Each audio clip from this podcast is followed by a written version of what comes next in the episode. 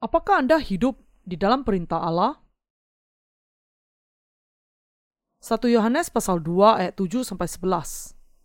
Saudara-saudara yang kekasih, bukan perintah baru yang kutuliskan kepada kamu, melainkan perintah lama yang telah ada padamu dari mulanya. Perintah lama itu ialah firman yang telah kamu dengar.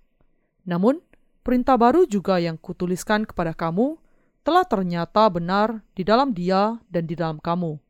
Sebab kegelapan sedang lenyap dan terang yang benar telah bercahaya.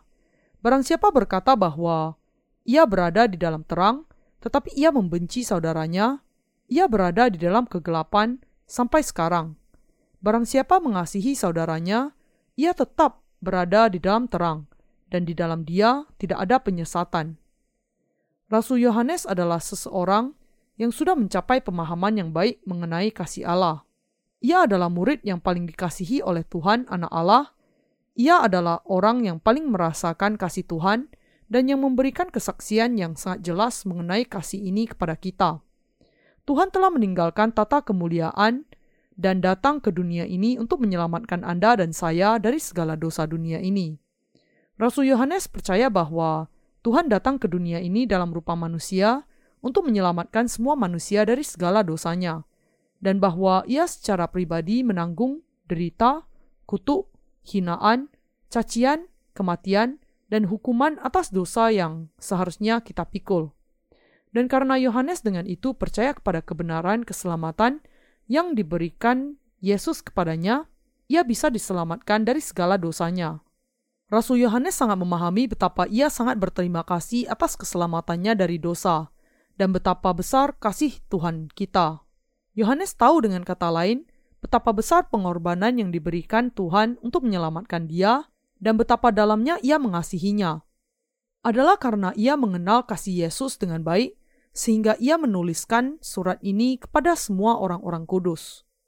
Selain Injil Yohanes dan ketiga suratnya yaitu satu, dua, dan tiga Yohanes, Rasul Yohanes juga menuliskan kitab Wahyu. Kepadanya lah Yesus paling banyak menyatakan diri. Melalui Rasul Yohanes, lebih dari semua murid yang lain, Allah menjelaskan kepada kita betapa besar kasihnya kepada kita. Ini memberikan kesaksian kepada kita akan kenyataan bahwa Rasul Yohanes memiliki pengetahuan yang sangat besar akan kasih Allah. Jadi, Rasul Yohanes disebut sebagai Rasul Kasih. Karena Rasul Yohanes adalah seseorang yang mengenal kasih Allah lebih dari semua yang lain, ia memberikan kesaksian yang paling banyak akan kasih itu tidak melebih-lebihkan kalau melihat satu Yohanes sebagai kitab kasih.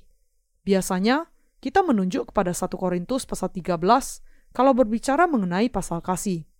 Pasal ini tentu saja memang banyak juga berbicara mengenai kasih. Tetapi orang yang memberikan kesaksian mengenai kasih Yesus dalam banyak aspeknya adalah Rasul Yohanes ini. Karena ia tahu betul bagaimana Yesus sungguh-sungguh mengasihi orang-orang kudusnya. Yohanes adalah orang yang memberikan kesaksian akan kasih Tuhan. Rasul Yohanes adalah orang yang berbicara mengenai kasih Tuhan. Di dalam 1 Yohanes pasal 4 ayat 18 sampai 20 ia mengatakan, "Di dalam kasih tidak ada ketakutan. Kasih yang sempurna melenyapkan ketakutan, sebab ketakutan mengandung hukuman dan barang siapa takut, ia tidak sempurna di dalam kasih." Kita mengasihi karena Allah lebih dahulu mengasihi kita. Jikalau seorang berkata, "Aku mengasihi Allah," dan ia membenci saudaranya, maka ia adalah pendusta. Karena barang siapa tidak mengasihi saudaranya yang dilihatnya, tidak mungkin mengasihi Allah yang tidak dilihatnya. Sesuai dengan apa yang dikatakan di sini, tidak ada ketakutan di dalam kasih. Yohanes mengatakan bahwa mereka yang sungguh-sungguh sudah mengenal kasih Allah dan sudah menerima kasih ini tidak menghadap Allah di dalam ketakutan, tetapi dalam sukacita yang besar, dan bahwa mereka juga akan mengasihi saudara dan saudari yang sudah menjadi umat Allah. Ini karena kita semua sudah mengenalkan kasih Allah. Inilah sebabnya ia mengatakan, "Jikalau seorang berkata, 'Aku mengasihi Allah,' dan ia membenci saudaranya, maka ia adalah pendusta. Karena barang siapa tidak mengasihi saudaranya yang dilihatnya, tidak mungkin mengasihi Allah yang tidak dilihatnya. Demikian, Tema utama di dalam satu Yohanes adalah kasih Allah. Dan Yohanes menyimpulkan bahwa kristalisasi dari kasih Allah ada di dalam Injil, air, dan roh. Ia menyebutkan mengenai dua tema itu di dalam suratnya, dan akhirnya di dalam pasal 5, ia menjelaskan mengenai Injil, air, dan roh yang telah kamu dengar dari mulanya. 1 Yohanes pasal 2 ayat 24. Apakah perintah baru Allah kepada kita? Ini berbicara mengenai kasih Allah dan memerintahkan agar kita hidup di dalam kasih ini.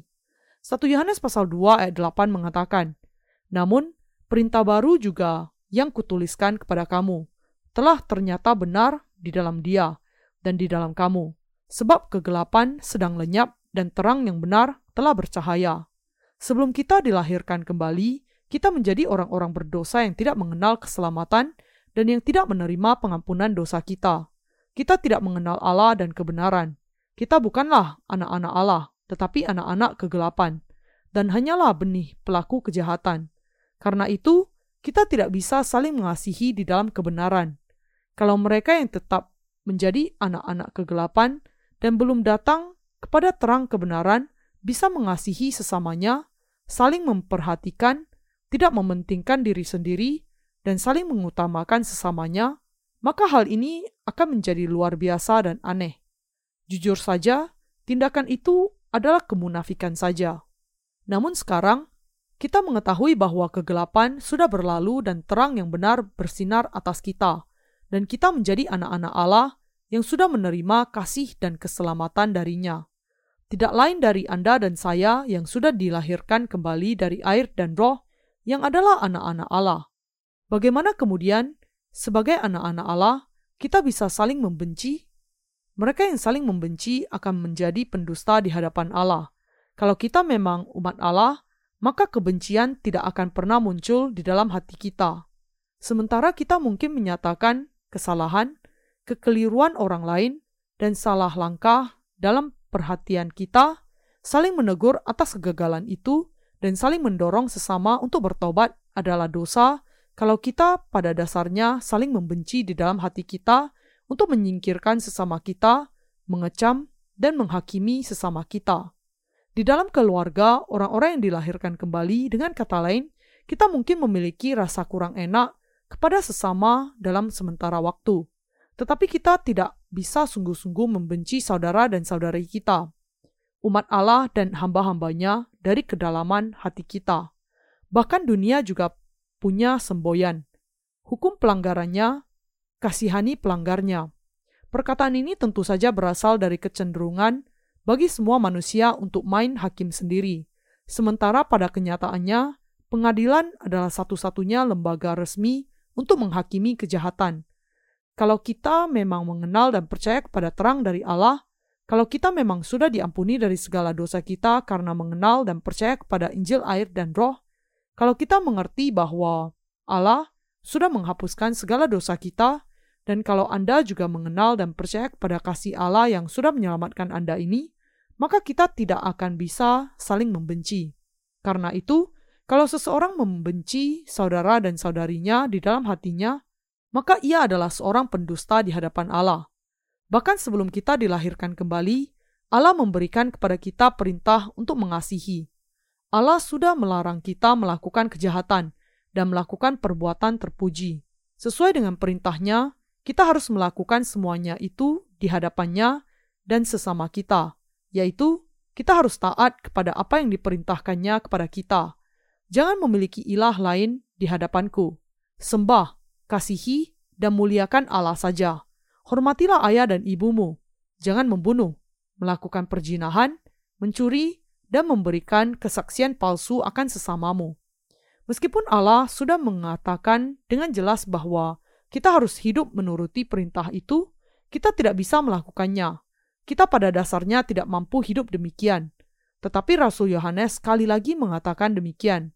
Saudara-saudara yang kekasih, bukan perintah baru yang kutuliskan kepada kamu, melainkan perintah lama yang telah ada padamu dari mulanya.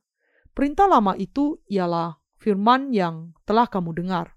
Namun, perintah baru juga yang kutuliskan kepada kamu telah ternyata benar di dalam dia dan di dalam kamu.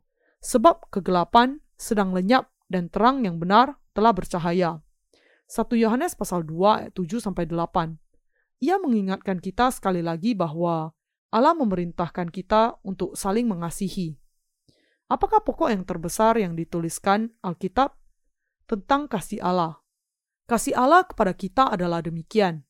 Tuhan datang ke dunia ini dan menghapuskan segala dosa kita dengan Injil air dan roh. Kasih ini yang diberikan Allah kepada kita adalah kasih yang paling besar dan mendasar yang memampukan kita memiliki kasih yang benar kepada sesama kita. Karena kasih ini, kita bisa memiliki segala jenis kasih. Kasih gembala kepada orang-orang kudus, kasih saudara dan saudari kepada Allah, kasih yang kita miliki kepada gembala kita, dan kepada saudara dan saudari kita. Ini bukan kasih kedagingan, tapi kasih rohani. Karena semua berasal dari kasih Allah yang terbesar kepada kita. Adalah di dalam kasih Allah ini, di dalam Injil air dan roh, maka kita mengalami semuanya itu. Persekutuan yang benar ditemukan hanya di dalam kasih rohani ini. Karena keberadaan kita hanya dimungkinkan di dalam kasih Allah, adalah karena kasih Allah ini kita bisa makan, minum, tertawa, berbicara, bernafas, dan melanjutkan kehidupan kita. Adalah karena kasih Allah begitu melimpah, sehingga kita bisa bernafas di dunia ini dan merasakan kasihnya. Di dalam kasih Allah, kita sudah menerima berkat rohani dari surga. Karena Yesus sendiri mengasihi kita, dengan kata lain, Anda dan saya menjadi anak-anak Allah dan hidup di dalam damai. Inilah sebabnya kita harus semakin saling mengasihi. Semua teguran dan perintah Allah pada dasarnya berakar dari kasihnya. Jadi, ketika kita melihat saudara dan saudari kita yang lebih lemah, kita kemudian memiliki perhatian dan kasih yang lebih dalam untuk mereka. Tetapi mereka yang hatinya dikeraskan di hadapan Allah, ditegur lebih keras di dalam kasihnya. Bagi orang-orang yang demikian, adalah kasih Allah bagi kita untuk menegur mereka dengan keras, memarahi mereka, dan bahkan menghukum mereka dalam rangka mengembalikan hati mereka kepada Dia. Membiarkan mereka bahkan kalau mereka jelas sedang menuju ke jurang, bukanlah kasih Allah. Namun, kasih Allah adalah yang mencegah mereka menuju kepada kebinasaan mereka sedapat mungkin. Anda perlu memahami bahwa menunjuk kesalahan sesama orang percaya di dalam Kristus tidak berarti membawa kesengsaraan kepadanya, namun justru menunjukkan kasih Allah kepada mereka. Hati yang peduli kepada sesama itulah yang disebut kasih. Ketika seseorang menyambut orang lain di bibirnya, tetapi hatinya penuh dengan permusuhan dan maksud jahat, maka ia tidak ada di dalam kasih Allah. Menunjukkan kebaikan dengan motivasi yang gelap dan buruk bukanlah kasih Allah. Ketika orang yang demikian yang mengatakan kalau ia mau melakukan sesuatu untuk kita, tetapi justru kemudian mencuri segala sesuatu yang kita miliki, lalu melarikan diri, kita tidak mengatakan bahwa kejahatannya hanya dilakukan ketika ia melarikan diri, tetapi sejak saat pertama kalinya ia meletakkan jebakannya untuk menjerat kita.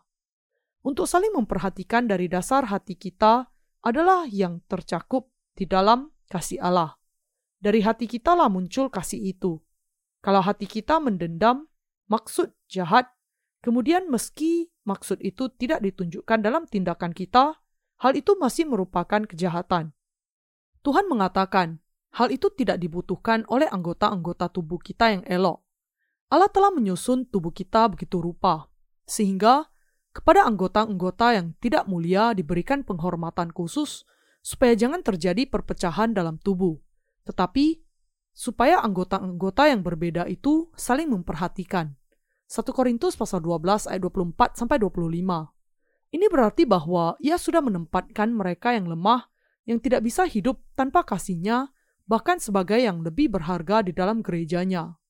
Kita harus memperhatikan semua umat Allah dan kita harus berdoa bagi mereka semua yang belum dilahirkan kembali. Kita harus berdoa bagi gereja, tubuh Kristus, bagi saudara dan saudari kita, dan bagi para hamba Allah. Semua doa itu berasal dari kasih Allah. Ini karena kita ingin agar semua orang-orang kudus bisa bertumbuh di dalam kasih Allah. Kita berdoa untuk semua hal itu karena ketika orang-orang kudus berkembang di dalam tubuh dan rohnya, itu menjadi berkat bagi kita, para hamba Allah. Karena menjadi sukacita bagi Allah ketika umatnya baik secara tubuh dan jiwa. Dan inilah sebabnya kita berdoa bagi mereka di dalam sukacita. Juga karena sukacita dari saudara dan saudari kita tidak lain juga dari sukacita gereja kita, kita berdoa untuk mereka dengan harapan yang terbaik dari lubuk hati kita. Semua hal itu harus digenapi di dalam iman akan kasih Allah. Tanpa kasih Allah ini, tidak ada sesuatu pun yang kita lakukan yang memiliki makna. Saya tidak ingin ada anggota keluarga Allah yang tersesat. Saya tidak akan pernah menginginkan hal itu terjadi. Ini sebabnya saya sering kali berusaha untuk menasihati Anda. Bahkan, kadangkala saya merasa perlu menegur Anda dengan keras. Saya tidak ingin Anda terluka atau menderita, terhilang, dan menangis. Yang saya inginkan adalah agar jiwa Anda bertumbuh. Mengapa? Karena saya sangat mengasihi Anda. Ketika saatnya tiba bagi saya untuk menghibur hati Anda yang sakit, ini yang akan saya lakukan. Tetapi, kalau bukan saat untuk hal itu, saya memberikan teguran yang keras dari hati yang mengasihi. Sebagaimana Allah mengasihi Anda, para pemimpin rohani Anda juga senantiasa mengasihi Anda. Anda perlu memahami bahwa kalau Anda tidak suka untuk mendengar apa yang dikatakan oleh para pemimpin rohani Anda, berpikir bahwa mereka hanya mengomelkan Anda, atau kalau Anda berpikir bahwa mereka marah kepada Anda, dan kemudian Anda mau menutup telinga Anda, Anda sebenarnya sedang menolak kasih Allah. Kalau para pendeta Anda tidak memiliki kasih di dalam hati mereka, mereka tidak akan menegur Anda dan juga tidak akan memperdulikan Anda. Kebalikan dari kasih adalah ketidakpedulian. Ketika kita tidak mengasihi seseorang, kita tidak mengatakan apa pun kepadanya dan hanya pergi tanpa memperdulikan mengenai orang itu. Dengan percaya kepada kebenaran keselamatan yang dicurahkan Allah kepada kita di dalam kasihnya, kita sekarang menjadi ciptaan baru. Adalah dengan iman kita kepada Injil air dan roh bahwa kita hidup. Karena itu, di antara saudara dan saudari yang hatinya terluka, haruslah disembuhkan dari luka-luka mereka. Mereka yang hatinya congkak harus diajar rendah hati mereka yang meluap harus dikurangi, dan mereka yang berkekurangan harus dipenuhi. Kita semua harus dengan cara ini dibaharui di dalam kasih Yesus Kristus. Kita harus dibaharui sama sekali, dan bukannya memperbaiki diri kita yang lama. Kita harus hidup di dalam kasih Allah, percaya kepada kasih ini, dan mempraktekkannya. Di dalam kasih Allah saja kita bisa menjalani kehidupan iman kita di dalam segala firman-Nya. Apakah perintah yang terbesar di dalam Kristus? Kasih. Satu kata yang disebut kasih inilah yang merupakan perintah yang terbesar. Kasih Allah bagi kita begitu kuat sehingga seseorang atau sesuatu pun tidak akan bisa memisahkan kita dari kasih itu. Ada tertulis, karena cinta kuat seperti maut, kegairahan gigih seperti dunia orang mati. Kidung Agung pasal 8 ayat 6. Ada seseorang yang ketika mereka yang dikasihinya diperdaya oleh iblis dan menghadapi maut, menunjukkan kasihnya kepada mereka dengan menyerahkan hidupnya sendiri. Seseorang ini tidak lain dari Yesus sendiri. Yesus mengasihi kita, namun karena tipu daya iblis kita jatuh ke dalam dosa, dan kita sangat menderita serta mati. Tetapi untuk menyelamatkan kita yang sudah berada di pinggir Hades, Yesus tidak ragu-ragu untuk menghadapi kematian itu dengan tubuhnya sendiri. Inilah kasih yang dimiliki Allah bagi kita. Tidak lain dari kasih yang tak bersyarat inilah yang diberikan Allah kepada kita. Kasih yang dengannya ia memberikan hidupnya untuk menyelamatkan kita. Itulah kasih yang sejati. Bisakah mereka yang menjadi orang-orang benar dengan percaya kepada terang kebenaran terus berdiam dan hidup dalam kegelapan? Tidak, mereka tidak bisa. Rasul Yohanes mengatakan di dalam 1 Yohanes pasal 2 ayat 9 sampai 10. Barang siapa berkata bahwa ia berada di dalam terang, tetapi ia membenci saudaranya, ia berada di dalam kegelapan sampai sekarang. Barang siapa mengasihi saudaranya, ia tetap berada di dalam terang, dan di dalam dia tidak ada penyesatan. Saudara seiman yang terkasih, Alkitab dengan jelas menunjukkan di sini bahwa mereka yang mengatakan berdiam di antara orang-orang benar dan berada di dalam terang, namun membenci saudaranya, yaitu Mereka yang mengatakan bahwa mereka mengenal dan percaya kepada Allah yang sudah membebaskan kita dari segala dosa dan membawa kita kepada kehidupan, akan tetapi membenci saudaranya, mereka berdiam di dalam kegelapan bahkan sampai saat ini. Barang siapa membenci saudaranya dari kedalaman hatinya adalah orang-orang yang masih berdiam di dalam kegelapan. Yohanes mengatakan di sini bahwa mereka yang mengasihi saudaranya itulah yang berada di dalam terang, dan bahwa tidak ada penyebab apa pun yang akan membuat mereka tersandung. Kalau di sisi lain, Anda dan saya sungguh-sungguh membenci saudara kita dari kedalaman hati kita, maka hati nurani kita akan sangat terganggu. Tetapi, kalau kita tidak membenci seseorang dari kedalaman hati kita, maka tidak akan ada perasaan terganggu yang demikian. Mari kita bayangkan bahwa salah satu dari saudara, saudari, atau para hamba Allah melakukan suatu kesalahan kepada kita. Kalau itu memunculkan kemarahan di dalam hati kita, membuat kita membenci orang itu dengan sepenuh hati, memusuhi dia dan memandang dia dengan kemarahan, maka ada sesuatu yang sangat salah di dalam diri kita. Kalau hati yang penuh kebencian itulah yang ditemukan di dalam hati Anda sebagai orang-orang yang dilahirkan kembali, Anda harus memahami bahwa hati Anda sekarang berada di tempat yang salah. Adalah karena Anda membenci seseorang di dalam hati Anda dan marah kepadanya sehingga Anda menjadi sangat tidak enak terhadapnya. Kita kemudian merasa tidak sejahtera di hadapan Allah dan bahkan kepada diri kita sendiri. Dengan kata lain, kita merasa bersalah di dalam hati kita. Saya membenci dia karena ia membenci saya terlebih dahulu. Lalu, apa yang salah di sini? Orang-orang dunia mungkin berpikir demikian dan membenarkan diri begitu. Tetapi bagi kita yang percaya kepada firman Injil air dan roh, tidak bisa demikian, karena kita adalah terang kebenaran. Karena kita sudah memancarkan terang yang benar, dan karena kita sudah diampuni dari dosa-dosa yang tidak terhitung banyaknya, yang tidak terkatakan, kita tidak bisa lagi hidup dalam kegelapan. Orang-orang benar berjalan di dalam terang, dan tidak ada penyebab yang membuat ia tersandung di dalam hatinya. Kemudian, Rasul Yohanes juga mengatakan, "Tetapi barang siapa membenci saudaranya, ia berada di dalam kegelapan dan hidup di dalam kegelapan. Ia tidak tahu ke mana ia pergi, karena kegelapan itu telah membutakan matanya. Mereka yang membenci saudaranya dengan kata lain masih hidup di dalam kegelapan. Yohanes mengatakan di sini bahwa orang-orang yang demikian berjalan dalam kegelapan dan tidak tahu ke mana ia pergi. Mereka yang ada di dalam kegelapan tidak tahu bahwa mereka terikat oleh penilaian yang salah, karena mereka tidak tahu membedakan yang benar dengan yang salah. Ada kalanya Anda dan saya yang sudah menjadi orang-orang benar juga menemukan diri kita ada di dalam kegelapan. Karena Allah sudah menyinarkan terang kebenarannya kepada kita, dengan iman kita kepada terang yang benar, umat Allah sendiri, orang-orang benar, dan orang-orang kudus yang tidak berdosa. Karena itu, ketika kita mendapati ada penyebab batu sandungan di dalam hati kita, kita harus sungguh-sungguh memahami kesalahan kita dan datang ke hadirat Allah dengan iman. Bagaimana mungkin kita tetap tinggal dalam kegelapan? Kalau kita sungguh-sungguh membenci seseorang di dalam hati kita, ini menjadi penyebab kita tersandung dan sebuah kesalahan di hadapan Allah. Dan kalau kita tidak memahami bahwa adalah kesalahan bagi kita untuk terus membenci dan memendam kebencian, di dalam hati kita, kita akan menjadi orang-orang yang buta rohani tidak bisa membedakan yang benar dengan yang salah. Kita akhirnya akan jatuh ke dalam kesalahan yang fatal dan akhirnya akan menjadi hamba-hamba iblis. Jadi, kita jangan sampai membiarkan kebencian berdiam di dalam hati kita lebih dari satu hari. Kita jangan sampai berdiam dalam dosa. Tetapi kita justru harus membuang semua sisa kegelapan dengan mengakui semuanya di dalam iman.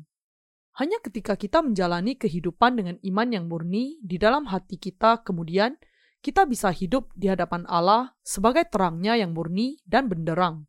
Sudahkah kegelapan meninggalkan Anda atau belum? Tentu saja sudah. Terang yang benar sekarang sudah bersinar atas kita. Jadi, bagi kita, yang lama sudah berlalu. 2 Korintus pasal 5 ayat 17. Kita sudah lepas dari keadaan kita yang dibawa kutuk karena Allah sudah menyelamatkan kita dari segala dosa kita, memberikan kepada kita kehidupan baru, dan memberikan kehidupan kepada kita Dan karena kita percaya kepada semuanya ini, kita sudah menjadi umatnya, dan kita sudah menerima kehidupan kekal darinya. Sebagai orang-orang yang sudah menerima kehidupan kekal, kemudian di mana kita harus berdiam? Kita harus berdiam di dalam terang kebenaran yang mengenal Allah.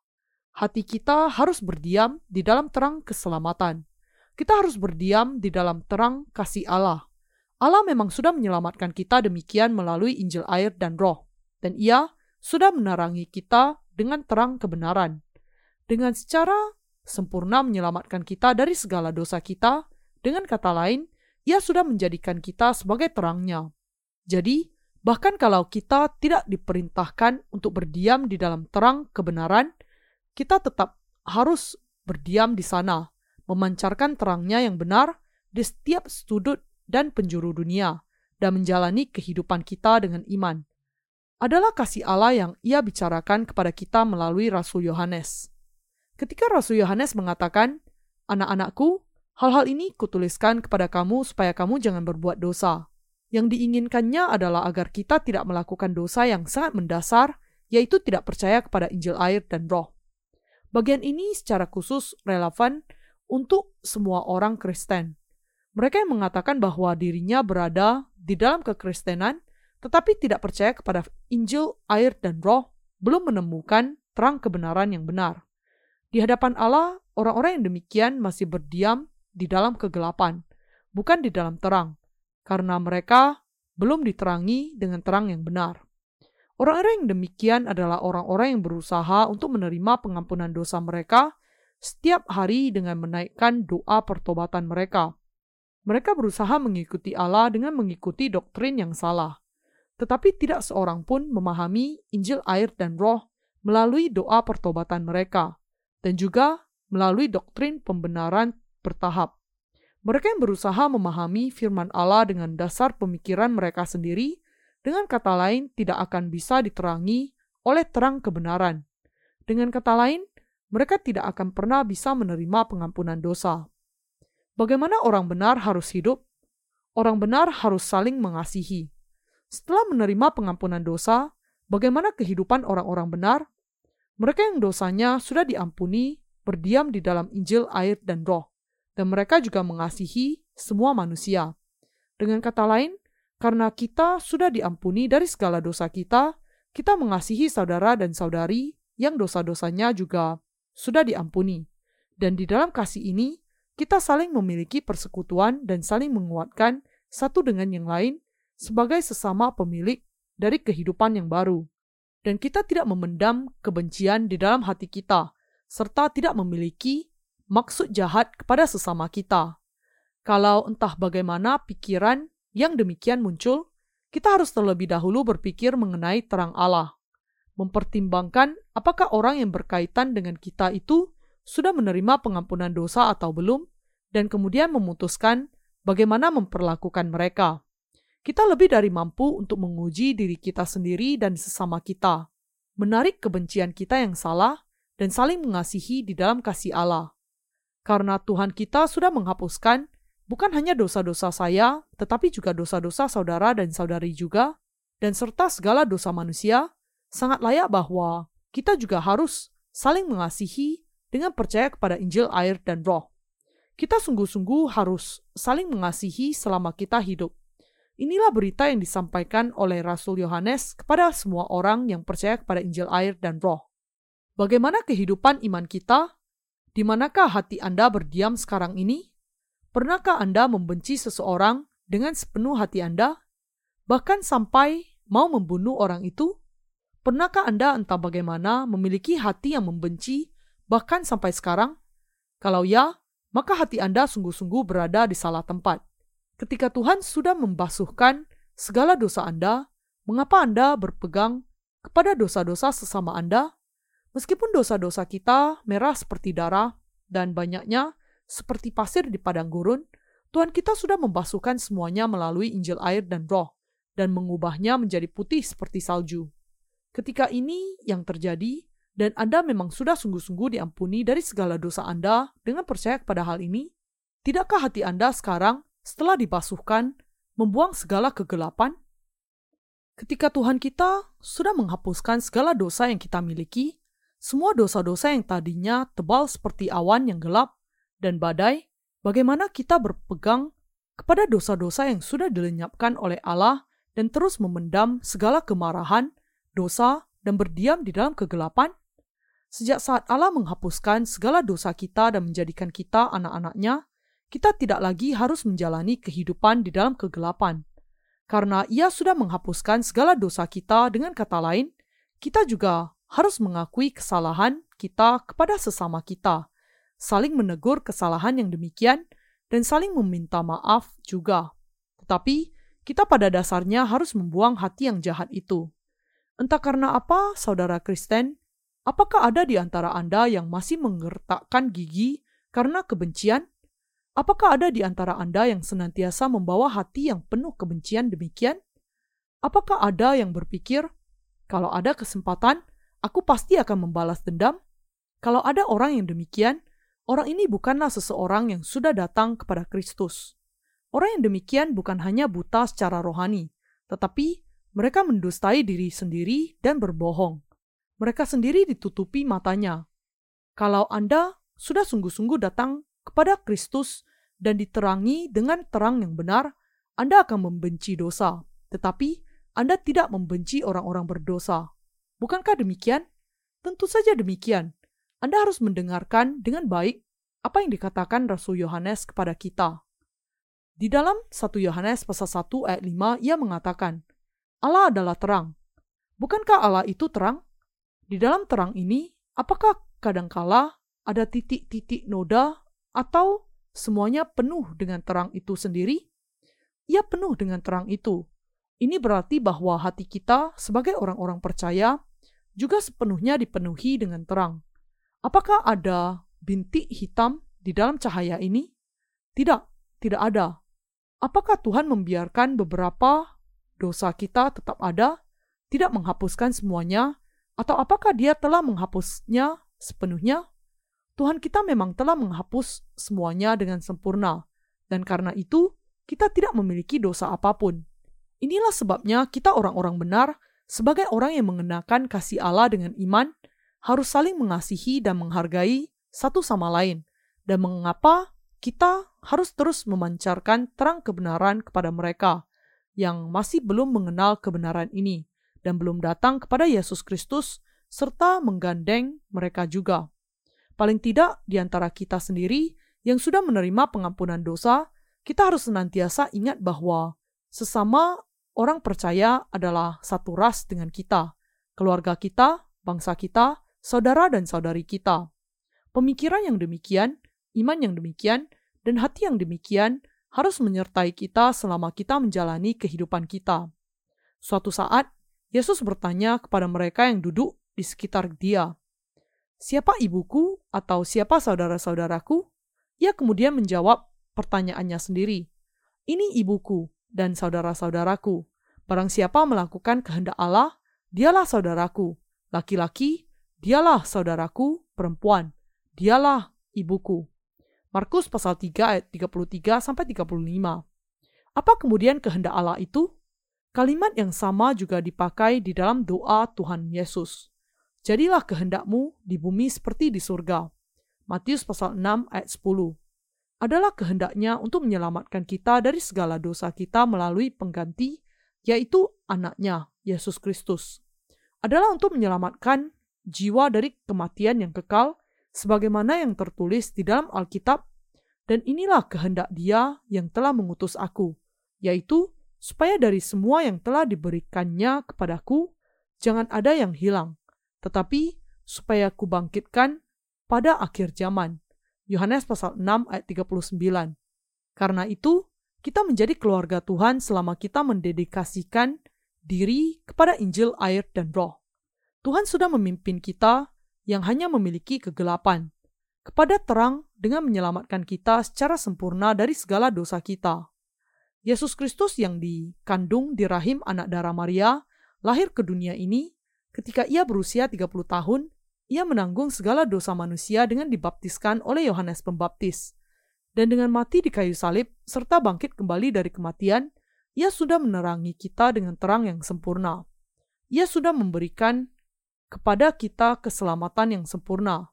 Dengan percaya kepada kebenaran ini, kita sudah diselamatkan secara sempurna, dan kita dengan demikian sudah menjadi anak-anak Allah yang melakukan kehendaknya. Mereka yang percaya kepada hal ini sudah menjadi keluarga kita. Anda dan saya tidak bisa tidak menghindar dari terus melakukan dosa di sepanjang kehidupan kita. Tetapi Tuhan kita datang ke dunia ini lebih dari 2000 tahun yang lalu dan ketika ia berusia 30 tahun, ia sepenuhnya menanggung segala dosa kita dengan dibaptiskan oleh Yohanes. Pada usia 33 tahun, ia memberikan tubuhnya dan mati di kayu salib, bangkit kembali dari kematian pada hari ketiga, dan sudah dengan itu membawa kita kepada kehidupan yang sempurna. Ia sudah membasuhkan kita dari segala dosa kita, membebaskan kita dari semua penghukuman, dan sudah menyelamatkan kita secara sempurna dan ia sudah memberikan kehidupan yang baru kepada kita. Apakah Anda percaya kepada hal ini? Kita sekarang sudah menjadi terang yang sempurna. Anda dan saya, karena itu, harus menjalani kehidupan kita di dalam terang itu. Saudara seiman, bisakah terang dan gelap bercampur bersama, berkumpul, atau ada di dalam keserasian dan berdampingan dalam keselarasan? Terang dan gelap tidak bisa berkumpul bersama-sama. Mengapa? Karena ketika bahkan ada sedikit saja terang bersinar di dalam kegelapan, maka keadaan akan berubah menjadi terang. Ambil gedung gereja Anda sebagai contoh. Di sore hari, ketika kegelapan menyelimuti dengan lampu yang dimatikan, seluruh ruangan gereja akan diselimuti oleh kegelapan.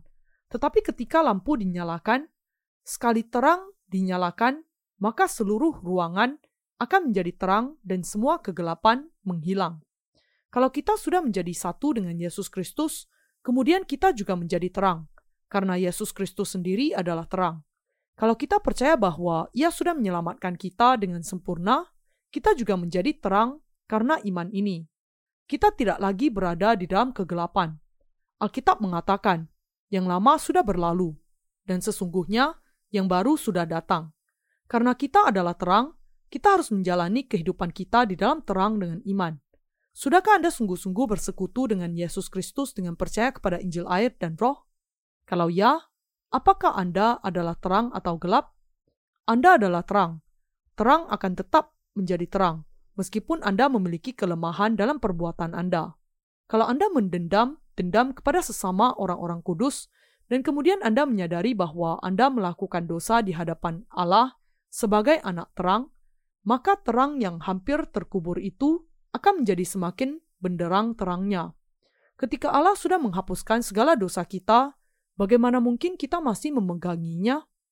Ketika Yesus menanggung segala dosa dunia dengan dibaptiskan dan melengkapi keselamatannya dengan menanggung semua hukuman kita di kayu salib, bagaimana mungkin kita sebagai saudara dan saudari dan para hamba Allah memegang dendam kepada sesama kita atas sedikit saja kesalahan dan saling menggertakkan gigi atas kesalahan itu, bagaimana kita masih bisa memiliki kegelapan ini di dalam diri kita? Ketika kegelapan yang demikian mendatangi kita, kita harus langsung mengakui bahwa kita memiliki kegelapan ini, mengaku kesalahan kita di hadapan Allah, diam di dalam terang, dan memandang kepada kenyataan bahwa Yesus Kristus memikul bahkan segala dosa itu ketika ia dibaptiskan di Sungai Yordan dan merenungkan kebenaran ini. Karena Yesus Kristus menanggung segala dosa kita dengan menerima baptisan, memikul segala dosa dunia ke kayu salib untuk disalibkan, dan dengan itu menggenapkan seluruh kebenaran Allah, kita bisa senantiasa berdiam di dalam terang yang sempurna. Hati kita kemudian diterangi ketika kita sekali lagi merenungkan kebenaran bahwa Yesus sudah menyelamatkan kita dengan sempurna dengan menerima segala dosa kita melalui baptisannya, memikul semuanya, dan menanggung hukuman menggantikan kita. Kita kemudian harus bersyukur kepada Allah dengan iman yang memampukan kita untuk menjalani kehidupan yang sekali lagi bisa bertoleransi satu sama lain, saling menyayangi di dalam hati kita, dan saling mengasihi. Inilah kehidupan terang yang dijelaskan oleh Rasul Yohanes. Ketika kita manusia memang memiliki kelemahan, sangat mungkin bagi kita untuk melakukan kesalahan terhadap sesama. Tetapi kalau kita tidak bisa memaafkan hal itu dan justru mengungkit-ungkit atau mendendam kebencian kepada sesama kita di sepanjang waktu, maka kehidupan kita tidak akan bisa menjadi kehidupan iman yang benar. Kalau entah bagaimana hati Anda demikian, maka mulailah berpikir kembali tentang bagaimana Allah sudah menghapuskan segala dosa kita, bagaimana Ia sudah menyelamatkan kita dari segala dosa kita. Bahkan jika ada kesalahan yang kita lakukan kepada sesama kita, ketika Tuhan sudah menghapuskan segala dosa yang demikian juga, bagaimana mungkin kita masih bisa menghakimi sesama kita? Kalau hati Anda sakit, maka yang harus Anda lakukan hanyalah mengatakannya dan menjelaskan alasannya. Dan kemudian orang lain itu hanya perlu mengakui kesalahannya dan meminta maaf. Demikian, di dalam kasih Tuhan, di dalam terangnya, kita harus bisa berdamai dengan sesama kita dari dalam hati kita dan hidup di dalam keselarasan. Kita semua harus memahami kebenaran Injil air dan roh yang sudah memampukan kita untuk dilahirkan kembali. Saya bersyukur kepada Tuhan yang sudah mengizinkan saya mengenal kebenaran ini. Mereka yang masih belum mengenal kebenaran Injil air dan roh harus mendengar dan belajar dari mereka yang sudah mengenalnya. Dan dengan itu, datang kepada terang kebenaran. Satu hal yang ingin saya katakan dengan jelas di sini adalah bahwa manusia adalah manusia. Tidak ada keraguan di sini bahwa semua orang adalah manusia yang tidak bisa tidak melakukan dosa karena kelemahannya. Manusia adalah sedemikian sehingga mereka senantiasa tidak taat kepada Allah, melanggar kehendaknya, dan melakukan kesalahan melawan dia. Namun, Tuhan sudah menunjukkan anugerahnya kepada kita, orang-orang berdosa, dengan mengatakan, sebab Allah telah mengurung semua orang dalam ketidaktaatan supaya ia dapat menunjukkan kemurahannya atas mereka semua. Roma pasal 11 ayat 32 adalah karena Tuhan kita sudah memiliki belas kasihan kepada orang-orang seperti kita, sehingga Ia sudah menerangi kita dengan terang kebenaran. Adalah karena Allah mengasihi kita sehingga Ia menyelamatkan kita. Tuhan kita akhirnya mengatakan kepada kita bahwa Ia menjadikan kita makhluk yang lemah sehingga kita bisa diselamatkan. Jangan hanya melihat kepada pemikiran Anda dan perbuatan Anda, tetapi Anda harus memandang kepada Tuhan. Jangan hanya berpikir akan pengetahuan Anda sendiri, tetapi dengarkan dengan seksama apa yang sebenarnya dikatakan Alkitab kepada Anda. Keselamatan yang benar akan masuk ke dalam hati Anda dan tertanam di sana. Ketika semua kebingungan yang menutupi pikiran Anda dihilangkan, Anda akan memahami bahwa Allah memang adalah juru selamat yang sudah menyelamatkan Anda dari segala dosa Anda. Dan ketika Anda percaya bahwa Allah sudah menyelamatkan Anda dari segala dosa Anda, Anda bisa ada dalam persekutuan dengan Tuhan dan juga dengan gerejanya melalui iman demikian. Dengan percaya kepada Injil air dan roh, kita sudah menjadi satu tubuh dengan Allah, dan dengan demikian menjadi umatnya.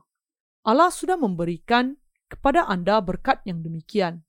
Tetapi kalau ada orang yang masih belum menerima berkat-berkat dari Allah yang sudah dicurahkannya melalui Injil air dan roh, adalah harapan dan doa saya bahwa orang-orang yang demikian juga akan percaya dan datang kepada Injil air dan roh yang diberikan Allah ini.